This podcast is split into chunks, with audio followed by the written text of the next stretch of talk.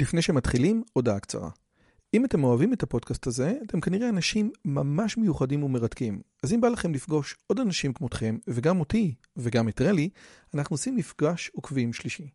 ביום חמישי, בתאריך ה-9 למאי 24, בין השעות 7.30 ל-11.30, אנחנו הולכים לקיים מפגש עוקבים שלישי בבית שלי בנופים בשומרון. מה בתוכנית? מינגלין וכיבוד עם עוד עוקבים מרתקים כמוכם, הרצאה שלי, דיון לגבי הערוץ, ציור בסטודיו ובסוף קומזיץ ופיתות על הסאג'. הרשמה מראש היא חובה וניתן לעשות את זה בקישור שבתיאור הערוץ או לחפש את הלינק ביוטיוב. נשמח מאוד מאוד לראות אתכם. ועכשיו, לשיחה.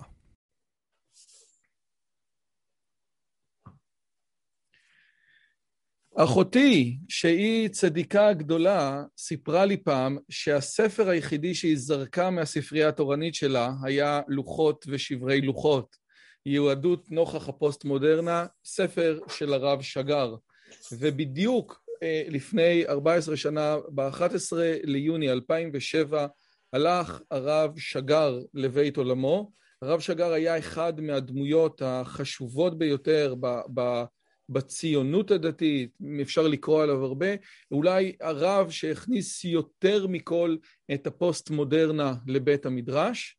האם זאת הייתה החלטה טובה להכניס את הפוסט-מודרנה לבית המדרש, ואולי זאת הייתה החלטה איומה ונוראה, ועל זה אנחנו רוצים לדבר היום עם דוקטור זוהר מאור. שלום לכולם וברוכים הבאים לערוץ שלי, ערוץ שמדבר על השכלה, אינטליגנציה וגם איך לגרום לכם להבין קצת יותר האם אפשר להיות דתי פוסט-מודרני או צד"פ בשיחת הסלון הבאה שלכם.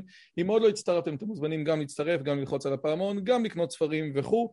והיום יש לי בערוץ את הכבוד ואת העונג לארח את דוקטור זוהר מאור. זוהר מאור הוא גם היסטוריון ישראלי, הוא גם הוא מתמחה בהיסטוריה תרבותית של מרכז אירופה, ועורך ראשי במכון כתבי הרב שגר, ומלמד מחשבת ישראל בישיבת שיח, שזאת הישיבה של הרב שגר. אז אה, דוקטור זוהר, ערב טוב, תודה שבאת, מה שלומך? בסדר גמור, אני רק אשלים את המיקומים, אה, אני מרצה להיסטוריה כללית באוניברסיטת בר אילן, ושם הישיבה הוא שיח יצחק, על שם אה, דוקטור יצחק ברויה. אז כן, אז, אז, אז פעם היו, אבל, אבל פעם שינו את זה, נכון? אז, אז למה אומרים ישיבת שיח? השם, השם כבר התקבע? זה כבר לפחות עשור, אה, אם לא יותר. אה. אוקיי, אז תראה, אני הייתי מתחיל, אני הייתי באמת מתחיל איתך, האם אחותי עשתה בשכל שהיא, שהיא זרקה את הספר? כי היא אמרה שזה היה הספר שהשפיע עליה ממש לרעה. אז גם אם תגיד שהיא לא עשתה בשכל, אתה מבין את אחותי? בוודאי. אה, הרב שגר בעצמו הבין שהוא הוא שייך ל... רגע, רגע. הרב שגר הבין בעצמו שהוא חלק מאיזשהו רצף של אה, הוגים ואנשי תורה בעולם היהודי, שהם לא היו שייכים למיינסטרים, הם היו שייכים, נאמר, לאגף היותר רדיקלי, ובפרט הם היו אלה שהתמודדו עם דברים שרוב האנשים תפסו אותם בתור אה, איום על היהדות, אולי הדמות המפורסמת ביותר היא הרמב"ם, אבל גם הרב קוק שייך לאותה, לאותה מסורת, וגם הרבה דברים שהוא אמר בזמנו נתפסו כבעייתיים ביותר, והוא אפילו הוחרם בקרב אה, מעגלים מאוד רחבים. אז במובן הזה בוודאי שמי שמחפש אה, מיינסטרים דתי, אני חושב שהספר הזה, לוחות ושברי לוחות, שבו הרב שגר מנסה ככה לתת איזשהו מקום דתי, לפחות לצדדים מסוימים של הפוסט-מודרנה, אין שום ספק, זה לא הספר בשבילו. או, oh, בסדר. אז תראה, אחד הדברים, אני לא יודע עד כמה, מה, אה, כמה מהשומעים שלנו מכירים את הרב שגר, אני יודע שאחד, ששיה רוזנמן, שעורך את הפודקאסט הזה ביחד איתי, הוא חסיד נלהב, או היה חסיד, אז לכן השאלות שלו הן יותר קשות. אבל בואו נתחיל ממה הם ההישגים הגדולים של הרב שגר. כמו שאנחנו אמרנו בשיחה הקודמת, אם אנחנו, אם אתה, אם אנחנו כותבים הרב שגר, ביוטיוב אנחנו מקבלים שני דברים, אנחנו מקבלים הרבה, אבל מקבלים שני דברים משמעותיים. אחד, את השיחה שלו עם, איך קוראים לו? עם דוב אלביין, שזאת שיחה איומה ונוראה, שבעצם הרב שגר מנסה להעביר חלק מהרעיונות שלו, אבל הוא לא היה בן אדם כל כך... ב... הוא, הוא, הוא, הוא, זה לא עבר בריאיון. והדבר השני, אנחנו מקבלים את ההרצאה של מיכאל אברהם, האם ייתכן פוסט-מודרניזם דתי, ושם מיכאל אברהם אומר, אין דבר כזה, זה נונסנס, אין דבר כזה פוסט-מודרניזם דתי.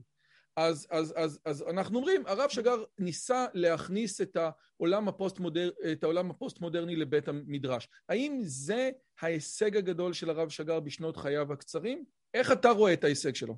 לא, קודם כל נתחיל ככה. אה, אה, אה, הרב שגר עסק בפוסט-מודרניזם פחות או יותר בעשור האחרון לחיים שלו. בוא נגיד כמה מילים על התרומה העצומה שלו לעולם, לעולם התורה לפני זה, ואני אתמקד בשלוש נקודות. נקודה ראשונה, לתוך עולם ישיבות, גם תיכוניות, גם גבוהות, שהיה בעיקרו בנוי על העולם המתנגדי, הליטאי, המוסרי, ישיבת המוסר, הרב שגר היה בין אלה, בהחלט, בין הדמויות המרכזיות ביותר שהכניסו לימודי חסידות, והיום אין כבר כמעט, אולי אין בכלל ישיבה של עצמה לא למד את הדברים האלה. זה לא היה ככה בשנות ה-80, שהרב שגר התחיל ללמד, בתחילתם, ללמד בישיבות, ובמידה רבה הוא אחד מהאנשים הבולטים שהכניסו את התרומה הזאת. אה, דבר שני, הרב שגר הכניס, אה, אפשר להגיד שהוא בנה תפיסה חדשה של לימוד תורה, שהרבה אנשים, אני חושב, היום הולכים בשיטה הזאת, ואפילו לא, לא יודעים שהמקור שלה הוא בעצם הוא. שיטה שאומרת שהלימוד לא צריך רק מופשט, עם מושגים מופשטים, כמו בשיטה הבריסקרית, שיטה נפוצה, אלא לימוד באמת שמחובר למציאות, לריאליה, לדברים שמטרידים אותי. בשלב יותר מאוחר אומר הרב שגר, אם המחקר יעזור לי להבין את הריאליה הזאת, אז בואו נשתמש גם בו. והוא יצר שיטה מאוד מיוחדת שאני חושב שגם אנשים שאפילו לא מכירים אותה, אז אני חושב שמגמות מאוד מרכזיות היום בעולם של בתי המדרש, ששואלות עצמם, כאילו, מה הגמרא הזאת אומרת לי, מה, מה משמעות הדברים האלה היום, אני חושב שמי שפרץ את הדרך זה הרב שגר.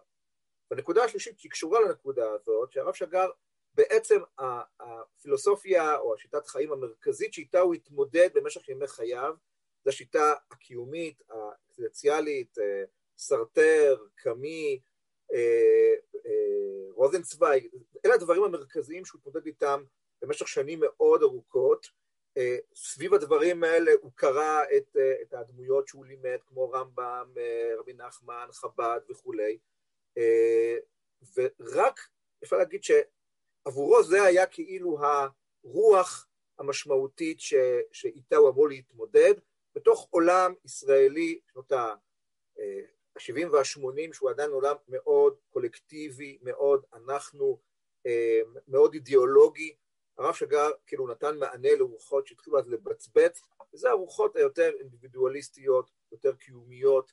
בעצם הרב שגר פרץ את הדרך גם בכיוון הזה, שנראה לי שהיום הוא, הוא קיים בכל מקום, זאת אומרת, אה, ללמד תורה באופן שזה ייגע לתלמיד, זה היום חלק מהאג'נדה הרשמית של משרד החינוך בתחום אה, מחשבת או, או דברים נוספים. טוב, אז יש לי שלוש שאלות על מה שאומר. אתה אמרת שיש לך שלושה דברים, אז אני שואל אותך שלוש שאלות, אחד על כל דבר. השאלה הראשונה היא, כשאתה אומר לימוד חסידות, אני חושב שהבאתי את זה פעם ב... אה, זה, פעם אה, לקחתי חסיד, חסיד צאנז, אני חושב, טרמפ למירון, והחסיד הזה הראה לי שהוא יש לו, אה, אה, הוא מוציא כל חודש חידושי תורה בלתי רגילים, כאילו ממש איזה קורפוס עבה של איזה 50 עמודים של חידושי תורה, יש לי אחד כזה, באמת, בן אדם מוכשר מאוד. ומכיוון שיש לי כיפה כזאת של דוס, אז שאלתי אותו, תגיד לי, אתה גם מצטט מרבנו? וכשאומרים רבנו בהקשרים האלה מתכוונים לרבי נחמן. אז אותו חסיד צאנז אמר לי, שהוא לא היה לירחם השם מהציונים, אמר לי, לא, אני לא מצטט מרבי נחמן, והוא גם הסביר למה. הוא אומר, רבי נחמן כל כך אמורפי, אני לא יודע אם הוא אמר אמורפי, אבל לזה הוא התכוון, שאם אתה מוצא אצל רבי נחמן משהו, זה יותר אומר משהו עליך מאשר עליו. אז לגבי השאלה הראשונה שלך, שהוא הביא את עולם החסידות, אינו דומה רבי נחמן לחב"ד, ל- לרוז'ין, אתה יודע, לגור, לסוכותשוב, כשאת, מה בעצם הרב שגר מביא לתוך עולם החסידות? האם הוא מביא קורפוס, מש, אה, אה, אה, סילבוס מסודר, או בוא נקרא אה, שבחי יבשת ונשתה יותר. זאת שאלה אחת לגבי הדבר הראשון. אולי נענה עליה ואז נעבור עליה. אחד-אחד. כן, אחד-אחד. אמ, תראה, זו שאלה נהדרת, ואני חושב שבשורה התחתונה, ברור, ורב שגם כתב על זה הרבה, שכל לימוד הוא מפגש בין הלומד לבין, לבין התורה, המלמד וכך הלאה, שהוא לא לגמרי סובייקטיבי ולא לגמרי אובייקטיבי. זאת אומרת, אנחנו לא מעתיקים את הדברים שאומר ספר התניא, ואנחנו גם לא מכניסים את הרעיונות שלנו לתוך הפה שלו. וברור שעצם העובדה שהרב שגר הכניס לתוך הקריאה הדתית מודרנית, שבוודאי שזאת הייתה הקריאה שלו, את הטקסטים האלה, זה החידוש הגדול. זה ברור לחלוטין שהוא קרא את זה בעיניים מסוימות, זה ברור. וברור שהוא גם חיפש דברים שאולי יתאימו יותר לצרכים שלו. אבל עצם העובדה שלתוך הקורפוס הזה, לתוך המעגל הזה של הספרים, שלומד בחור הישיבה דתי-לאומי, היה לא רק את נפש החיים, בעלי המוסר, אה, רמב"ן על התורה, מהר"ל, רבי יהודה הלוי והרב קוק, פתאום נכנסו דמויות נוספות, כמו שאתה הזכרת. אוקיי? אז, אז, אז מטבע הדברים, אני חושב שעצם העובדה הזאת, ש, שאנחנו התחלנו לנהל איזשהו רב שיח עם הדמויות האלה, זה בעצם החידוש הגדול אוקיי. שבהקשר הזה רציתי לדבר עליו. אז, אז, אז כמו שאומרים, אז, אז אם אני רוצה לסכם את מה שאתה אומר, כבר הרבה דובר על ההבדל בין הישיבה, אה, בין ישיבת ההסדר לישיבה הליטאית, שבישיבת ההסדר הספרים של כל אחד מונחים מולו. העובדה שאני נכנס לישיבת הסדר היום ומוצא גם ליקוטי מוהר"ן, גם טניה, גם מי השילוח, גם צדקת הצדיק, אתה אומר, הדבר הזה, אם אתה הולך היסטורית, האבא של הרעיון הזה אצל הציונים היה הרב שגר, נכון? אני, אני רוצה להדגיש, הוא לא היה לבד, יש כמובן הרב שטיינגלס ועוד הרבה דמויות נוספות, אבל אין ספק שיש לו מניות מאוד, מאוד, מאוד רבות במהפך הזה. יאללה, שאלה שנייה. אתה אמרת לגבי העניין הזה של לימוד תורה שמדבר אליך. עכשיו, גם, אתה יודע, לא צריך להיות פוסט-מודרני ולהגיד איפה זה פוגש אותי, כדי לנסות להסביר סוגיות בבבא מציע שטלית זה לאו דווקא טלית, אלא יכולה להיות אייפון. האם אתה מתכוון למשהו שהוא, כי בגלל שלפי דעתי אתה מתכוון למשהו הרבה יותר עמוק ב... נכון. אוקיי, למה אני מת... בעצם החמור זה אוטו, כן? כן. השניים... לא, אבל זה, זה, תשמע, זה, זה נקרא יישום, זה, זה לא נקרא קיומיות. זאת אומרת, אתה כאילו אה, אומר, הדין של הגמרא שהוא נכון לגבי, לגבי החמור, הוא נכון לגבי אה, מכונית. אבל מי שלומד גמרא, ואפילו ברמה הכי ראשונית, השאלות שאלות אצלו הן הרבה יותר גדולות. זאת אומרת, למשל, הוא ישווה בין, ה, ה, נגיד, בין, בין אה, מושגי הקניין כפי שקיימים היום. הרי אתה לא, כשאתה קונה משהו בסופר, אתה לא מגביה את החפץ, אתה לא עושה פעולה של הגבהה. למה בגמרא צריך את זה? זאת אומרת, יש פה המון המון שאלות שנשאלות ברגע שאתה מבין שהגמרא היא לא משהו שמתחולל על איזושהי פלנטה אחרת, ואתה כאילו לא אמור להבין אותו, אתה אמור לשנן אותו. Okay? אוקיי? או שבעצם הגמרא היא אומרת אמירות שנוגעות למציאות האנושית שבתוכה אתה חי. היא, היא בעצם אומרת דברים שנמצאים באותו מישור, ואולי מתווכחים עם התפיסות המשפטיות, המוסריות. למשל, שהרב שגר לימד, וזה זכיתי לשמוע אצלו, את מסכת קידושין, והגמרא, המשנה הראשונה פותחת בעקבות זה הגמרא, כן, מדברת על, ה, על האישה נקנית. בשלושה כן, דרכים. כן. אגב, לא בשלושה דרכים, שלא, ש, ש, שלא יתעצבנו עליי בהודעות. כתוב שם, האישה נקנית בשלושה דרכים, אפילו שאומרים שלוש. פשוט תירגעו. כן, סע, סליחה. כן, אוקיי, והגמרא דנה בעובדה הזאת. אז, אז כאילו, הרב שגר אומר, שנייה, בוא נעצור, אנחנו חייבים לשאול את עצמנו, האם האישה היא חפץ שקונים אותו? ואם אנחנו נשאל את השאלה הזאת, אנחנו נגלה שהגמרא עצמה בעצם מתעסקת עם השאלה הזאת. ובעצם, חושב שאיפה באמת לומר, עולם חדש נפתח בפנינו כאשר נשאלו השאלות האלה. אבל אני חייב לשאול אותך פה, בגלל שזאת נראית לי נקודה חשובה. כאשר אני, עושה רושם, וזה מה שמיכאל אברהם יגיד עוד, אה, אה, עוד כמה שנים, כן? כל שאלה מודרנית, כל שאלה פוסט-מודרנית, שהפוסט-מודרניזם, כל שאלה טובה שהפוסט-מודרניזם מעלה, זו שאלה שאפשר לנסח אותה בכלים מודרניים. זאת אומרת, האם האישה באמת נקנית? כי עושה רושם שאני קונה אותה, יותר מזה, אני גם קונה אותה בפרוטה. הרי הקניין של האישה הוא לא כמו קניין של אייפון. ולכן מכיוון שזאת שאלה שניתן לנסח בכלים מודרניים, גם הגמרא מתייחסת אליה.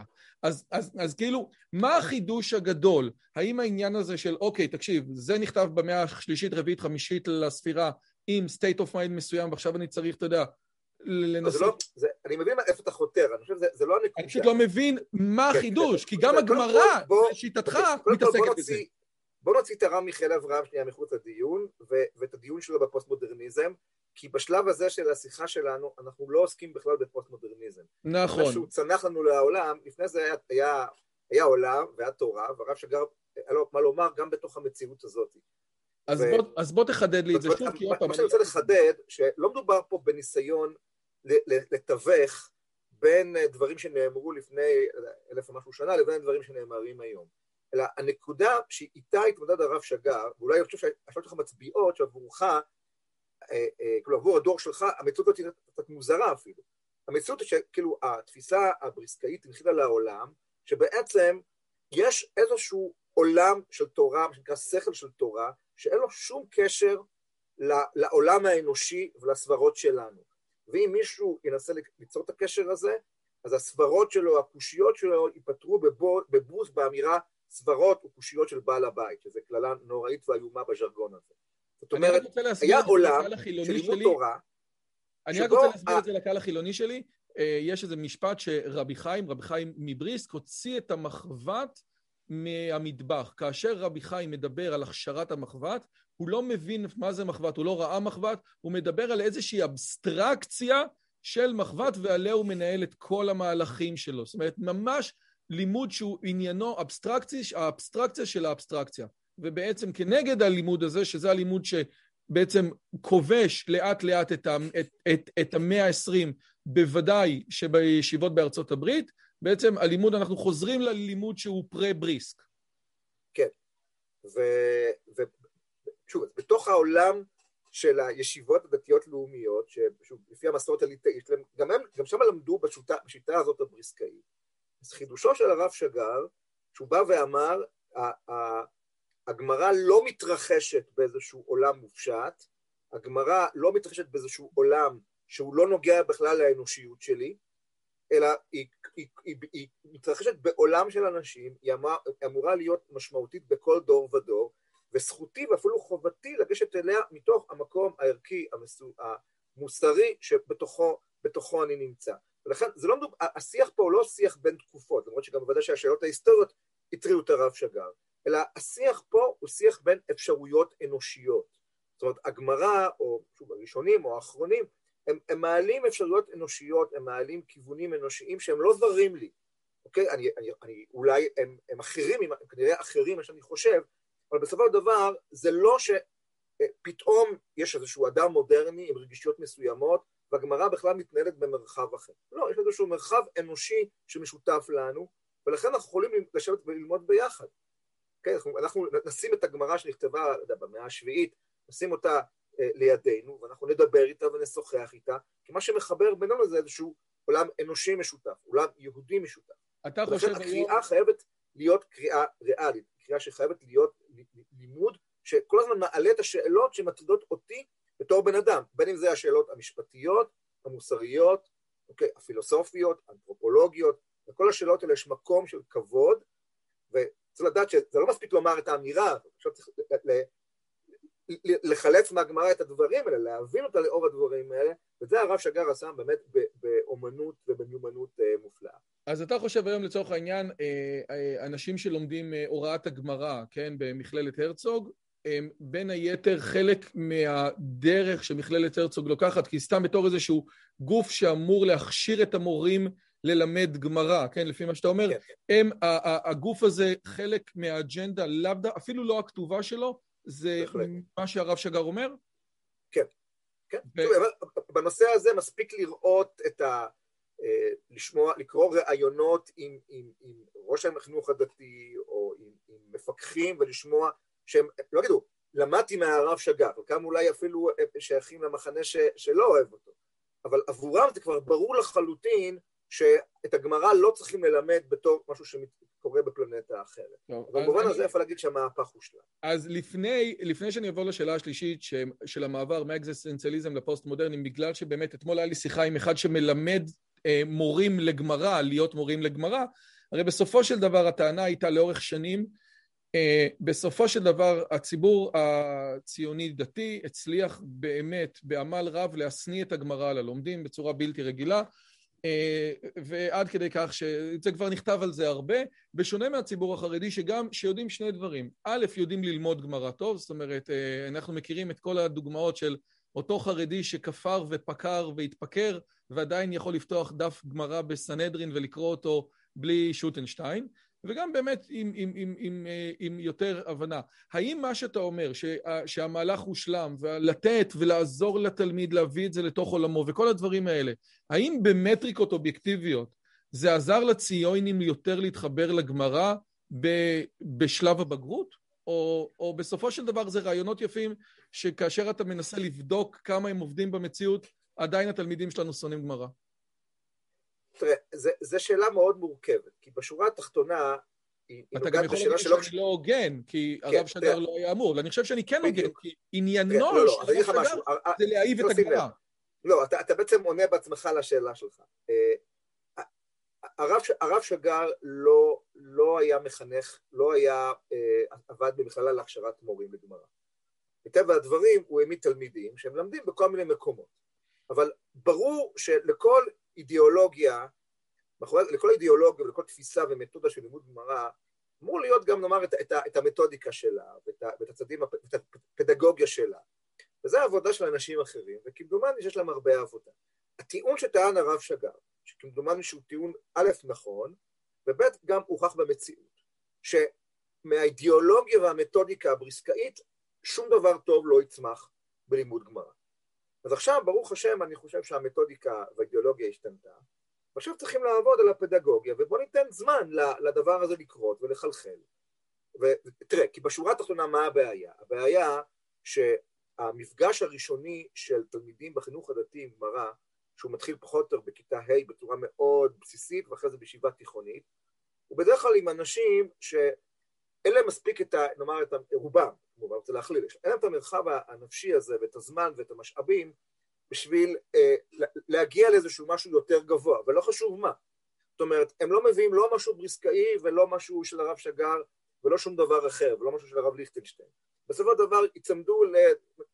בוא, בוא, לחוברות של הממ"ד, לחוברות של החמ"ד. מה שטוען הרב שגר שצריכים להתחיל בדיוק בצורה הפוכה. זאת אומרת, לא להתחיל מטקסט שאמורים להספיק אותו, ולהתחיל שוב משאלות קיומיות ומעניינות שהגמרא אמורה, אמורה להעלות. עכשיו, אה, אה, הגיע, צריך לחכות עוד זמן עד שהמהפכה בנושא הזה תושלם, זאת אומרת שגם הפדגוגיה המתאימה היא, היא תצטרף ל, ל, לדברים האלה, ולכן קצת מוקדם אוקיי. מדי לבדוק מה בינתיים, קרה. בינתיים הציבור החרדי שלא, ש, שלא ראה את, ה, את התיאוריות החדשות האלה מצליח להעמיד אנשים שיודעים לפתוח דף... אה, אבל זה, זה תשמע, יש ספר נפלא... אי, אי אפשר בתורה... לקחת לציבור החרדי את זה פשוט, זה, זה הכל. הרב שגר, הרב שגר אה, כתב ספר נפלא שנקרא בתורתו יגה, שמוקדש לדברים האלה, והוא אומר, הציבור החרדי השכיל לבנות אה, אה, צורת לימוד, הפריסקט, שבאמת מתאימה לצורת חיים שלו. כל צורת החיים שלו אומרת שהתורה מנותקת מהמציאות. אז לכן עבורו לימוד התורה הוא מאוד מתאים לתפיסה הזאת. מה לעשות שהציבור הדתי-לאומי יש לו תפיסה שאומרת שהתורה אמורה להיות מחוברת עם המציאות, אבל אין לו לימוד תורה שמתאים לדבר הזה, ומפה מתחילה הבעיה. יפה, הרב... זאת נקודה יפה מאוד. טוב, אז ומפה אנחנו רוצים להגיד, אתה יודע, הרי יש, יש טענה, סליחה שאני נותן אותה, שאומרת כזה דבר, תמיד כשגלגלצ עושים, עושים את שיר השנה, זה שיר שאתה תמיד בוחר אותו מהשלושה חודשים האחרונים. אין אף פעם שיר השנה שהיה בתחילת השנה, כי אנשים זוכרים מה שהיה בשלושה חודשים האחרונים. עושה רושם שאנחנו מדברים עכשיו שיחה כבר 26 דקות, ולמעשה עוד לא הגענו לעולם הפוסט-מודרני. אתה אומר, זה משהו שהרב שגר מתעסק רק בעשר השנים האחרונות, אבל הדבר הזה די דומה לא, לשיר השנה של גל"צ, זה הדבר המשמעותי. ועכשיו אני רוצה... בוא נדבר עליו. הרב שגר, א', לא, הרב שגר מה, מההגות האקזיסטנציאליסטית, שלא קרא אותה במקור, אלא קרא אותה בעברית, כי הוא, הוא, הוא לא קרא באנגלית, עובר להגות הפוסט-מודרנית. ובסופו של דבר זאת פנייה מאוד מאוד מאוד משמעותית, כפי שבאה לידי ביטוי בלוחות ושברי לוחות, ואחרי זה בכלים שבורים, אני חושב, לא? הפוך, כלים שבורים ואז... אה, כלים שבורים.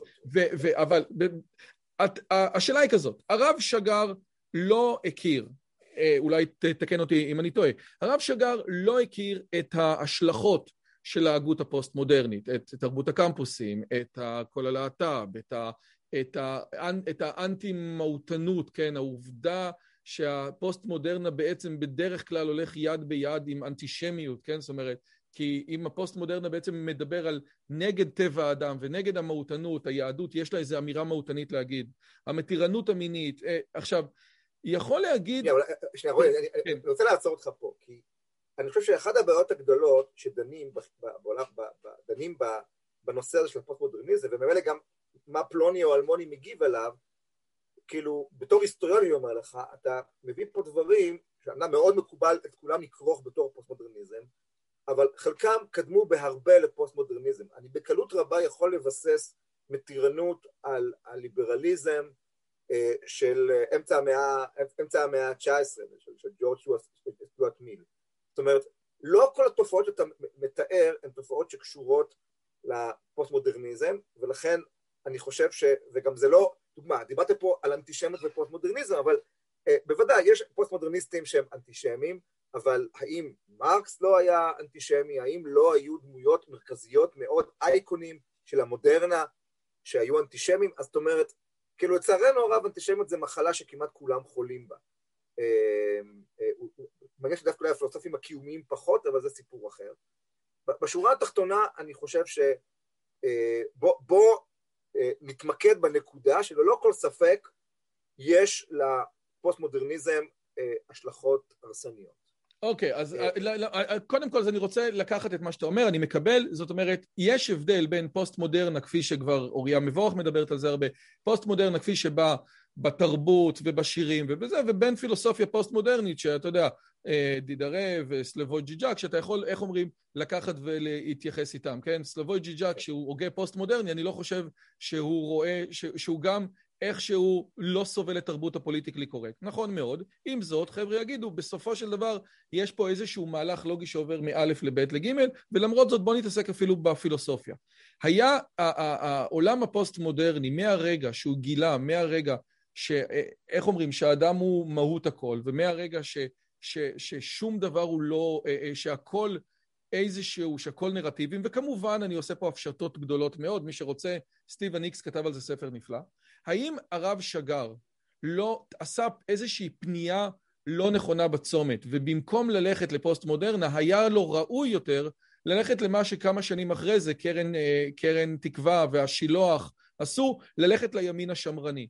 וזה היה, ואז לקחת הוגים שהם קשורים יותר לימין השמרני, ומזה לקבל את התשובות, לא מהפוסט מודרנה. כן, אוקיי, אז תראה, השאלה הזאת, אה, ברשותך קצת ארחיב את היריעה, קודם כל, ההוגים האלה ש, אה, של הנאו-שמרנות האמריקאית, זה לא, זה הוגים שפעלו בשנות ה-80 וה-90, זה שנות התפארת שלהם, ובוודאי שהרב שגר הכיר אותם, וגם פה ושם מתייחס אליהם.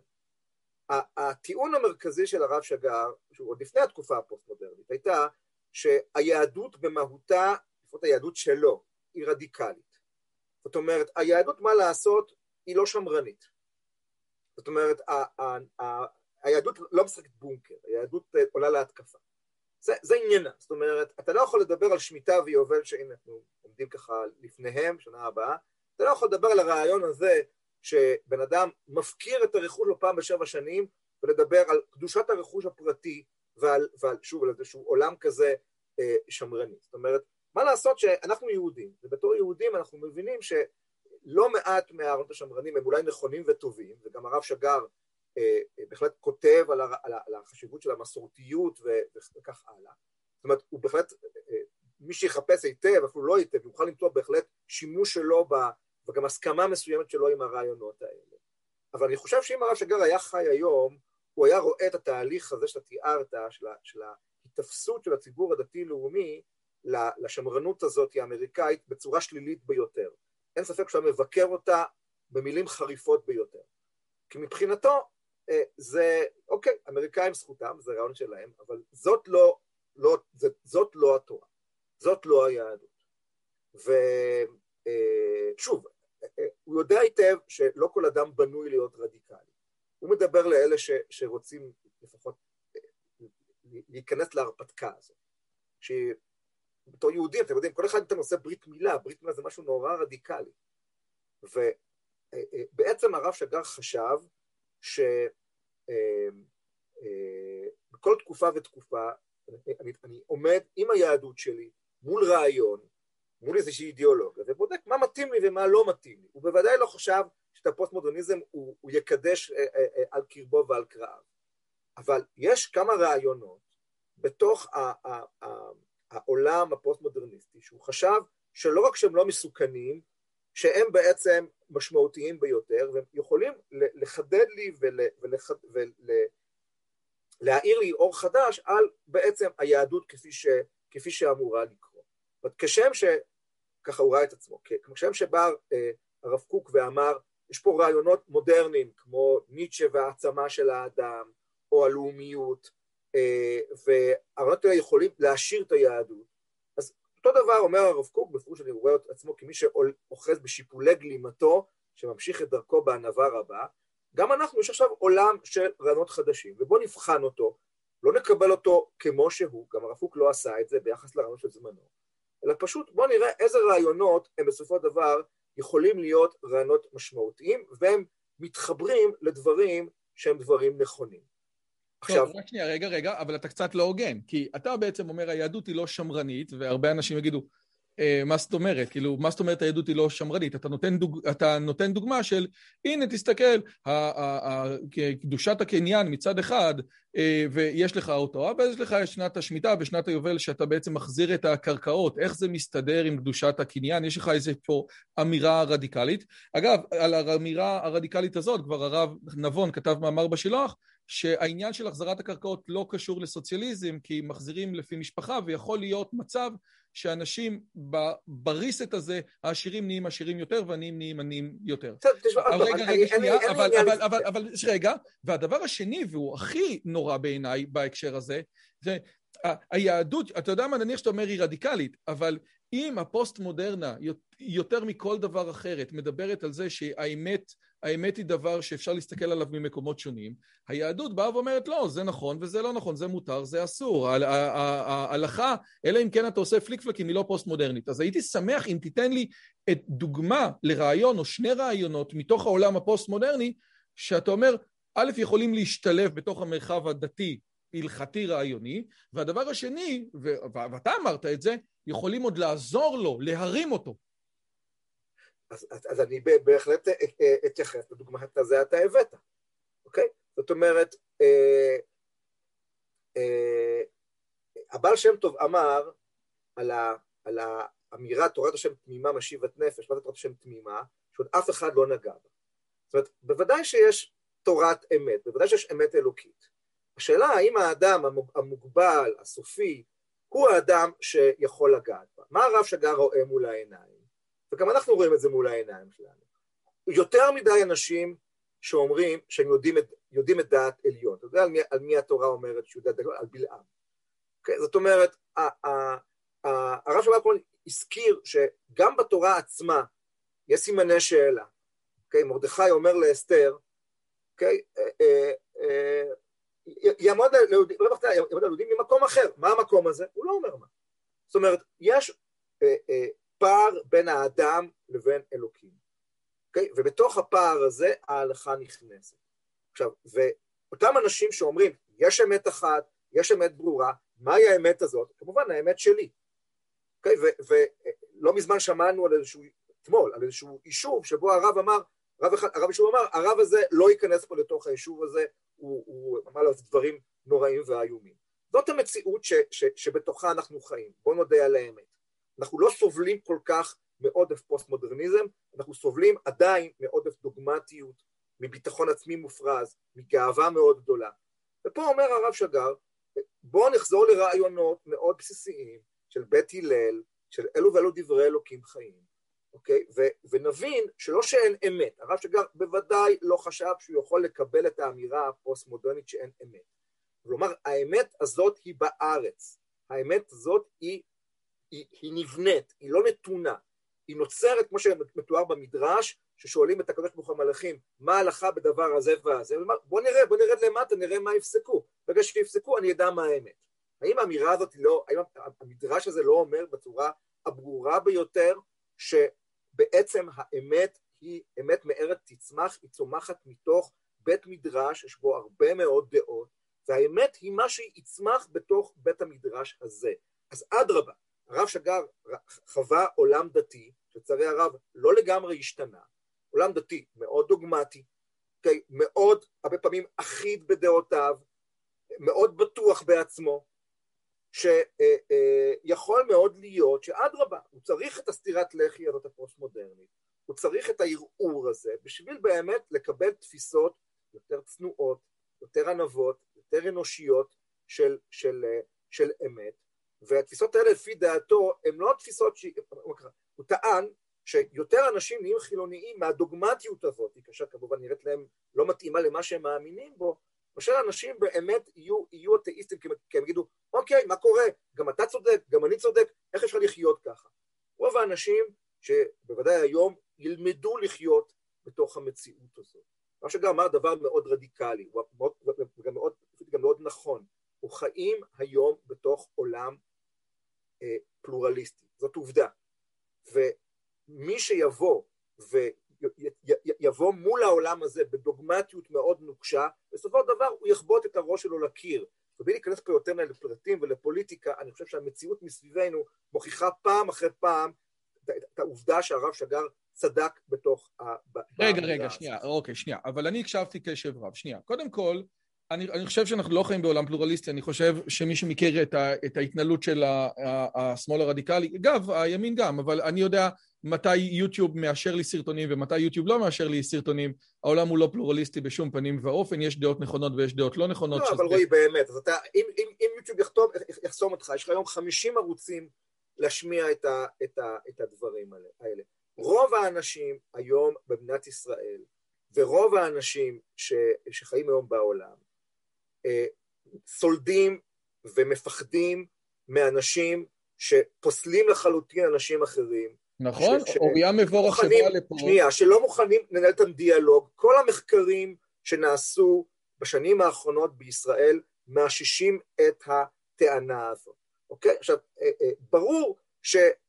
וגם שהרב שגד דיבר על זה הרבה, שלא מעט מהסובלנים כביכול והליברלים כביכול הם הקנאים הגדולים ביותר. אבל אגב, זה, נכון? שוב, אבל, אבל עבורו זה בדיוק הדבר שהפוסט-מודרניזם יכול לעשות. אז הנה, אז אני רוצה רגע לשאול, כי אגב, כשאוריה המבורך באה לפה, היא ביקשה לא לשאול על הקהילה הלהט"בית, היא אמרה, אני מפחדת על מקום העבודה שלי. אז זה קודם כל סתם מעניין, והיא עוד הגיעה, והיא, אין כמו אוריה מבורך כדי להגן על עמדות פוסט-מודרניות. אז זה דבר אחד. עכשיו, אתה בעצם אומר, תראה, יש דוגמטיות מאוד גדולה, כי כל אחד בטוח שאלוהים, איך אומרים, כתב לו וואטסאפ אישי, והדבר הזה גורם לנזק בלתי רגיל, ו- ו- ו- ופה לא צריך אפילו דוגמאות, מרוב שרק אתה עוצם את העיניים ואתה מקבל דוגמאות. אבל, ואתה אומר כזה דבר, במקום לבוא ולהגיד, הרי ההתנהלות של הלל ושמאי, כן, אלו ואלו והלכה כבית הלל, הדיון הזה בתלמוד הוא לא דיון שהוא פוסט-מודרני בכלל, הוא דיון שמדבר על, על העובדה שצריך להתאים את ההלכה לארץ, על, על העובדה שצריך לשמוע את הצד השני שמקדימים דבריהם. הדיון הזה זה דיון מאוד מאוד חשוב, מאוד יפה, והוא לא קשור לעולמות פוסט-מודרניים. בעצם אתה לכאורה אומר את הדבר... לא, לא, לא, לא, שנייה, אני חייב לעצור. רגע, רגע, שנייה, רגע, שנייה, רגע. אתה אומר כזה דבר. לכאורה הרב שגר אומר בוא תהיה סובלני יותר, אבל מכיוון שאי אפשר להגיד לדוסים האלה תהיה סובלני, הדרך היחידה לערער אותם זה להגיד תקשיב, מי אמר שאתה צודק בכלל?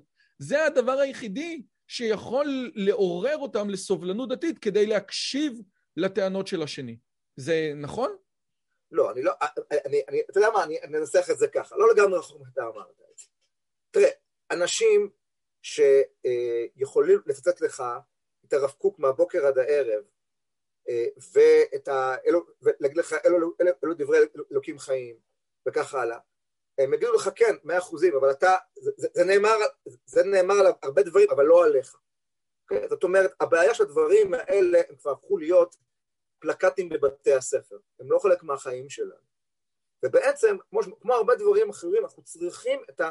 לצערנו, אנחנו צריכים את הערעור הזה מבחוץ, לא את הערעור, את, את הרעיון הזה מבחוץ, הבועט, המעצבן, בשביל לחזור חזרה לבית מדרש שלנו, להסתכל על העולם שלנו, להגיד, שנייה, אולי זה בעצם מה שאנחנו כל הזמן אמרנו, אוקיי? ולכן לכן, אה, ברור שכאילו אה, אה, הרב שגר בא לבן אדם ואומר, בוא תעשה איתי דיאטה. דיאטה מה, מהכוחנות, דיאטה, מה, דיאטה מהקנות, ערך שהרב שגר מאוד מאוד החזיק ממנו, והוא חושב שדווקא בעולם פוסט-מודרני יש לו מקום לקנאות הזאת. אוקיי? אבל הרב שגר באמת הבין שהציבור הדתי, עם כל קסמיו ופלאיו, הוא ציבור דוגמטי מדי, אידיאולוגי מדי, ועל זה הוא משלם כל הזמן מחירים מאוד מאוד כבדים. ולכן הוא אמר, עבורי יש פה איזשהו רעיון, שברור שיש בו גם סכנה, אבל יש פה גם משב רוח רענן שיחזיר אותי חזרה ליסודות, ויהפוך את הגמרא הזאת על בית שבית שבט הלל מפלקט בבית הספר, שבפועל מה שקורה זה בדיוק הפוך, לתורת חיים. וצריך לדבר על ישיבות הקו שבדיוק מדברות על אחדות ישראל ולא מסוגלות לשבת ביחד באותו בית כנסת, אני מסכים איתך לגמרי. אתה אמרת, אוקיי. אני, זה, זה הערוץ יוטיוב שלי ועל זה יוטיוב לא מוריד אותי. Okay. אוקיי. הדבר האחרון, שיש היו כמה, יש כמה רבנים של ישיבת שיח או שיח יצחק, ואני לא אגיד שמות עכשיו, שאמרו שיש בלוחות ושברי לוחות דברים שהיו ראויים לא להיכתב. בין היתר, את הדיאטה הרוחנית שאתה מדבר על זה, את הדיאטה הקשוחה, זה הגיע למצב של אה, אה, שרק, איך אומרים, שרק אקסטרימיסטים יכולים ללכת בה, כן? להתפלפל עם מאמרים של אבי שגיא, האם אפשר להתפלל מבלי להאמין באלוהים, יש כאלה שאמרו, וואו, זה יותר מדי. יכול להיות שזה מתאים, באמת, אתה מקבל את הטענה לא- הזאת? הרב שגר, בספר אין שום דבר מהסוג הזה, אבל אני אומר, עכשיו אני אשלים את מה שאמרתי מקודם. אני אומר, לא מעט מה... אם, בוא נעשה את זה ככה, מה היה קורה אם הרב שגר היה חי היום? אם הוא היה זוכה להאריך ימים ולא למות בגיל כה צעיר. אני חושב שהוא היה רואה שבמערב יש נסיגה מהפוסט-מודרניזם, יש הבנה לנזקים שהוא עשה, בין השאר ללימודי מדעי הרוח, להומניזם, אה, ואני חושב שהוא, שהוא, ש, שהוא היה רואה את הדברים אולי בצורה, בצורה שונה, והוא בעצמו גם הבין, במיוחד ממש בשנה, שנתיים האחרונות לחייו, שיש דברים שהפוסט-מודרניזם הוא הקושייה, הוא אנטיתזה, אבל, אבל נדרשת הסינתזה, נדרשת איזושהי תשובה יותר עמוקה, והוא הוא, הוא קצת התחיל באמת לעבוד על, ה, על הדברים האלה. יש לו מאמר, שהוא ממש מהמאמרים האחרונים שהוא כתב, שנקרא אה, חינוך לביתיות, שהוא אה, כאילו אומר, אוקיי, הפוסט-מודרניזם זה צד אחד, זה הגלותיות, תמיד כאילו לערער על הדברים, ומצד שני, צריכים לאזן את זה גם עם ביתיות, שזה יותר קרוב לשמרנות שאתה הצגת.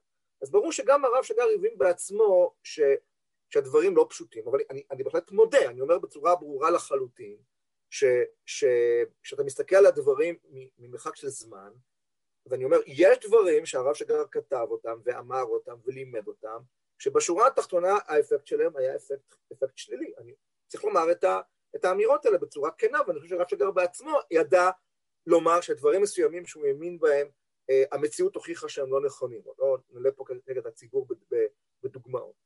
אבל אני, אני חושב שצריכים לדון בקפידה על מה, על מה מדובר. אוקיי? זאת אומרת, אה, ברור ש... ש Uh, המקום הזה המפרק, המקום הזה שאומר, שזה בעצם אולי המסר הפוסט-מודרני, אז אני, ברור שהנקודה הזאת היא נקודה שאתה uh, uh, חייב לקחת את זה, כמו שאומרים, עם של מלח, בזהירות רבה, במינונים מאוד זהירים וקטנים, ואני חושב ש... אה, גם הישיבה היום, אני חושב, היא מבינה את, ה, את, ה, את הטעות שנעשתה בדברים האלה, אבל, שוב, אחרי שאמרתי את זה, אה, זה, זה משהו שכמו פלפל, עדיף לא להציף את התבשיל בפלפל חריף. אבל בלי זה, זה, זה, זה, זה לא טעים. זה יהיה חסר טעם, בייחוד לציוני, לצדפ, לציוני הדתי הפוסט-מודרני, שהשאלות שמעסיקות אותו, ואוריה מבורך דיברה על זה הרבה, הן שאלות שלא העסיקו את הסבא והסבתא שלו, נכון? זה, זה כל, דור, כל דור עסוק בשאלות שהן... אה, היית אומר היום שהיורש האינטלקטואלי של הרב שגר, או, או היורש שלו זה ישיבת שיח, זאת אומרת, נניח דמויות כמו אלחנן ניר, לא. אני לא רוצה לדבר פה על לא, אנשים. נכון, נכון, אסור, וואו, נכון. יואו, נכון, נכון, אני נכון. רק, אני רק אומר, אני רק אומר ש... אה, אה, תראה, הרב שגר היה בן אדם מיוחד במינו, שאני חושב שהיום כבר הוא, הוא במידה רבה לא יכול לצמוח בערוגות הדתי-לאומי, כאילו באמת בן אדם ש, שממש מסר את עצמו לחיים של תורה ושל עיון, ופעם אמר שהוא לא מעביר שיעור שהוא לא מכין אותו עשר שעות. כן, מטורף. והוא גם כן. היה מאוד מאוד קפדן בענייני הלכה לעצמו, זאת אומרת... נכון, נכון, נכון, זאת אומרת... אז זה שהוא עף למקומות עליונים ואלוהים יעזור עם איזה דברים הוא נגע, אתה יודע, יכול. להיות שזה גם קשור לרב פרומן מצד אחד, שבמקומות עליונים הוא יכול לדבר עם ערפאת, אבל בתור יהודי מקפיד על הלכה הוא מה שנקרא דוס דוס, זאת אומרת... כן, שיפור... וגר, וגר, וגר בהתנחלות, והוא לא רואה סתירה בדבר הזה. אז באמת, אלה אנשים גדולים, הם אנשים גדולים ש, שאתה... קשה לדבר היום איך מחקים אותם ואיך ממשיכים אותם וכך הלאה. אבל זה ברור שיש לנו משימה לכל אחד מאיתנו, וגם לך וגם לי, כל אחד מהמקום שלו. משימה שלנו באמת, אדרבה, לקחת את המקום של, דווקא אל מול ההשתרשות הזאת של, ה, של השמרנות, שאני אומר בצער רב, אני חושב שהציבור הדתי כבר היה במקומות יותר טובים ויותר מלהיבים מאשר הרעיונות האלה, שהם באמת, הם לא, הם לא יחיו אותנו, הם, הם, גם לא, הם גם לא יחיו את הדתיות שלנו שהיא עדיין במצב די, אה, די על הפנים. מה? היא במצב לא, לא די על הפנים בין היתר מהדוגמטיות? זה, זה, זה דוגמטי, זה חד-ממדי. כי, כי באמת, שוב, כאילו, זה, זה, זה, זה גם בשורה התחתונה זה גם מלא סתירות, העמדות האלה, שהן כאילו מנסות להיות, זה בעצם בנוי על, על ליברליזם כלכלי, אבל ליברליזם זה, זה, זה ליברליזם כלכלי ושמרנות דתית, זה, זה לא עובד באמת ביחד. ולכן אני, אני חושב ש, שבשורה התחתונה, אה, אני לא חושב שזה משהו שייתן איזשהו מזור ומענה לציבור הדתי, ואני חושב שה... אה, אה, שכתב אותם הרב שגר, הדברים שהוא צדק בהם, הדברים שהוא טעה בהם, הם דברים שצריכים באמת לעמוד לפנינו, באמת לחשוב איפה אנחנו נמצאים מול המציאות ש, שהיא, שהיא, כל הזמן, אה, שהיא כל הזמן משתנה. אגב, אנחנו... הרעיון שאתה אומר, שבאמת, ו- וזה משהו שחדש, שאני עוד פעם, אני מכיר קצת את כתבי הרב שגר וקראתי דברים, אבל הרעיון הזה של בסופו של דבר אני מביא את הפוסט-מודרנה בעיקר או חלק מזה כדי לערער לכם דברים. אני אפילו לא יכול להגיד לכם להיות סובלני, כי סבלנות, סובלנות זו תפיסה מוסרית, בעוד שפלורליזם זו תפיסה פילוסופית, כן? כשאני סובלן, אני יודע שאני צודק ואתה טועה, פשוט אני מחכה. ואומר, הרעיון הזה אולי באמת שם את הדברים, כי הרבה מאוד אנשים אומרים לגבי, עזוב, אני, אנחנו לא ניכנס למיכאל אברהם, ש, שאפשר להגיד ש, ששוקולד הוא גם טעים וגם משמין, אבל אי אפשר להגיד שהוא גם טעים וגם לא טעים, ולא משנה כמה פעמים תגיד החלל הפנוי, זה עדיין יהיה נונסנס. זאת אומרת, יכול להיות שזה עדיין יהיה נונסנס, אבל יכול להיות שזאת הדרך שלי לבוא ולהוריד אותך מעץ הדוגמטיות הכל כך מסוכן שלך. כן, וזה שוב, הרב שגר, הרב שגר אמר בצורה מאוד ברורה, אני לא אומר שדבר והיפוכו נכון. אני אומר שאני צריך להתייחס לעולם בענווה כזאת, במקום הזה של החלל הפנוי, או מה שאתה תרצה, המקיף, שנותן גם לך וגם לי מקום, ומאמין שהאמת תצמח באמצע, בינינו, כמו שרבי נחמן אומר באחד מהתורות היפהפיות שלו. זה בעצם האמירה של הרב שגר. והאמירה הזאת, אם הפוסט-מודרניזם, או אחרי שאנחנו נקבור אותו כמורת חמור, היא עדיין אמירה, אני חושב, מאוד מאוד נכונה ומשמעותית עבור הציבור הדתי. עכשיו, הרב שגר כל הזמן הדגיש, אני לא רוצה לגרום לרפיון ידיים, לאדישות, הרבה פעמים מתלווה לתפיסות מהסוג הזה, ואולי אפילו באופן חינוכי. באמת, כי אם אתה לא, כי אם אתה מאמין שגם השני צודק, זה בדרך כלל אומר שאני פחות צודק, אז ההתלהבות, הרי, הרי הרדיקליזם אז... מצליח כי אירופה לא מאמינה בעצמה. יש בזה משהו אמיתי שהרב שגר נכון, מתייחס. אז הרב שגר באמת עוסק בנושא הזה הרבה, וכמו שאמרתי, הוא אומר, הקנאות היא חיונית עבורנו. זאת אומרת, אנחנו צריכים, אבל הוא אומר, הקנאות הזאת היא צריכה להיות קנאות שאת הכוח שלה היא מפנה כלפי פנים ולא כלפי חוץ, כי אז היא באמת מאוד מאוד מסוכנת. תגיד, אם לא... מישהו שמע אותנו עכשיו 50 דקות ואומר, אתה יודע מה? הזוהר הזה שכנע אותי, אני אסתכל על השגר הזה. מה אתה יכול להמליץ לו? מה... בבקשה אל תפנה אותו ללוחות ושברי לוחות. איזה מאמר ראשון אתה יכול להמליץ למי שמעולם לא שמע את השם הרב שגר, או שמע ואמר, טוב, זה ירחם השם, זה דברים של שמאלנים? מה אתה יכול, מה המאמר הטוב, או, או המאמר כניסה לעולמו הרוחני של הרב שגר שאתה ממליץ עליו? לפי זו שאלה נהדרת לסיום, כי אני צריך פשוט ללכת. לא, אני ידעתי שזה, אתה ראית? הכנסתי את זה טוב. אוקיי, אז אני חושב שהתשובה, אני אתן שתי תשובות לשאלה הזאת. התשובה הקצרה, בסוף הספר, לוחות ושברי לוחות, יש מאמר שהרב שגר, אה, אה, הרצאה שהוא נתן, שיחה שהוא נתן עם הוצאת לאור של הספר אה, כלים שבורים, ובו אני חושב נתת תמונה מאוד כאילו רפלקטיבית ומאוזנת מה היחס שלו לפוסט-מודרניזם, אני חושב שזה יכול להיות מאוד לדבר על אנשים. ודבר שני, אה, אה, חלופה של 900 עמודים, אה, שני כרכים שכתב הרב שגר, של שיעורי הרב שגר על רבי נחמן מברסלב, שעזבו אתכם רב שגר, עזבו אתכם רבי נחמן, זה פשוט ספר מוסר אדיר, שבו הרב שגר, ברוב המקרים, הרבה פחות פלספן, נוגע בהמון שאלות אנושיות, דתיות, רוחניות, אפילו קצת פוליטיות, בצורה, אני חושב, מאוד מיוחדת. מי שיצלח את הספר הזה, אני מבטיח, הוא לא יצטער.